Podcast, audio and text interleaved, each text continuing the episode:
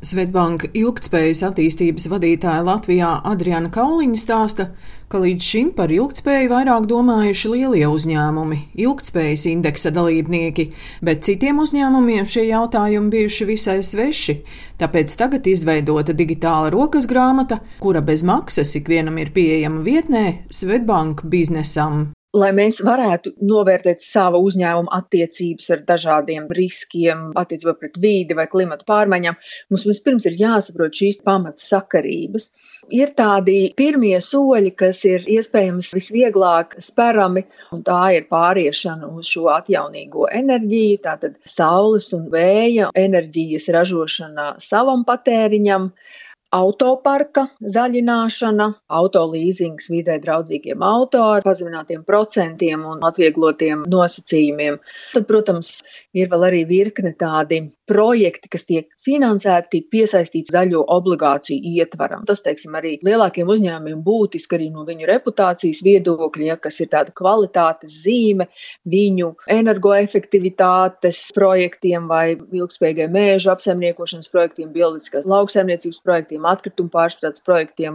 Šis ir tāds materiāls vienkāršā valodā, vienkārši mēģinot izskaidrot pamatsakarības, tādējādi liekot pamatus tālākai izglītībai.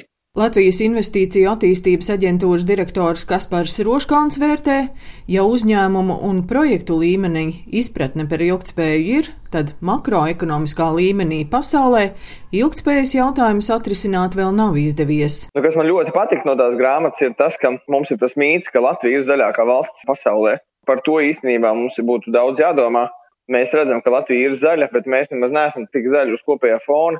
Tas nozīmē, ka tās problēmas kaut kur briest, un ir pēdējais brīdis viņus visām kopā sabiedrības līmenī sākt risināt. Tas ir ne tikai par to, kā uzņēmums kļūst ilgspējīgs, bet arī par to, kā patērētājs pieprasa tos produktus, kas ir ilgspējīgi. Tādā veidā arī, protams, radot šo tirgu, kur mēs ņemam enerģiju, kur mēs viņu liekam, cik daudz mums rodās atkritumu un no tās daļas, cik daudz mēs pārstrādājam un viss pārējais. Tas ir daudz milzīgs komplekss risinājums, ko tā līdz galam neviens pasaulē nav vēl atrisinājis. Un tā ir tā mūsu iespēja, ja mēs to uzliekam kā prioritāti un radīt šos risinājumus. Redzējām pagājušā gadā, ka mums ir fantastisks startups, kas širo atkritumus atpazīstot gan saņurcītas pudeles, gan buļģiņas, gan visu pārējo, kur tiek izmantot modernākā tehnoloģija, mākslīgā intelekta redze.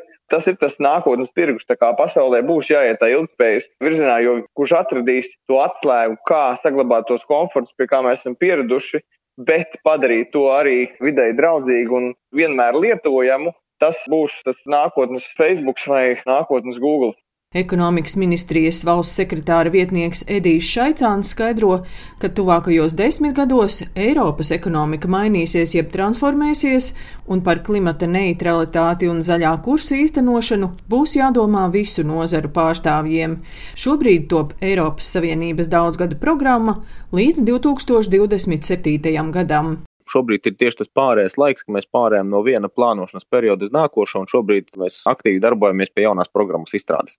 Tā kā jaunās programmas tieši atbalsta mehānismi varētu būt gatavi vai nu uz gada beigām vai nākamā gada pats sākums. Tad būtu uzņēmējiem jābūt gataviem arī startēt un izvērtēt ir iespējas pieteikties šiem atbalsta instrumentiem. Tas var būt gan autoparka nomaiņa pret videi draudzību, pret mazemisiju vai bezemisiju transporta līdzekļu, gan nomainīts, piemēram, ja tas ir ražošanas uzņēmums, ražošanas procesu iekārtas pret efektīvākām iekārtām mazināt lieko energoresursu patēriņu vispār procesos, gan ēkās, gan ražošanas, gan biroja ēkās.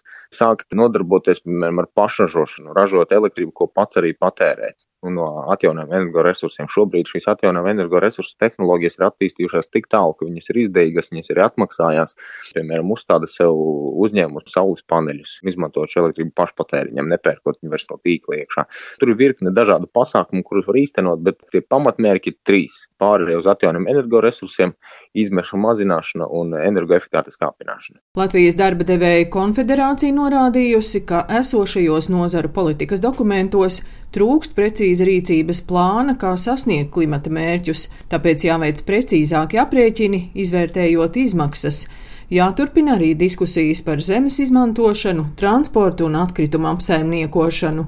Daina Zalamane, Latvijas radio.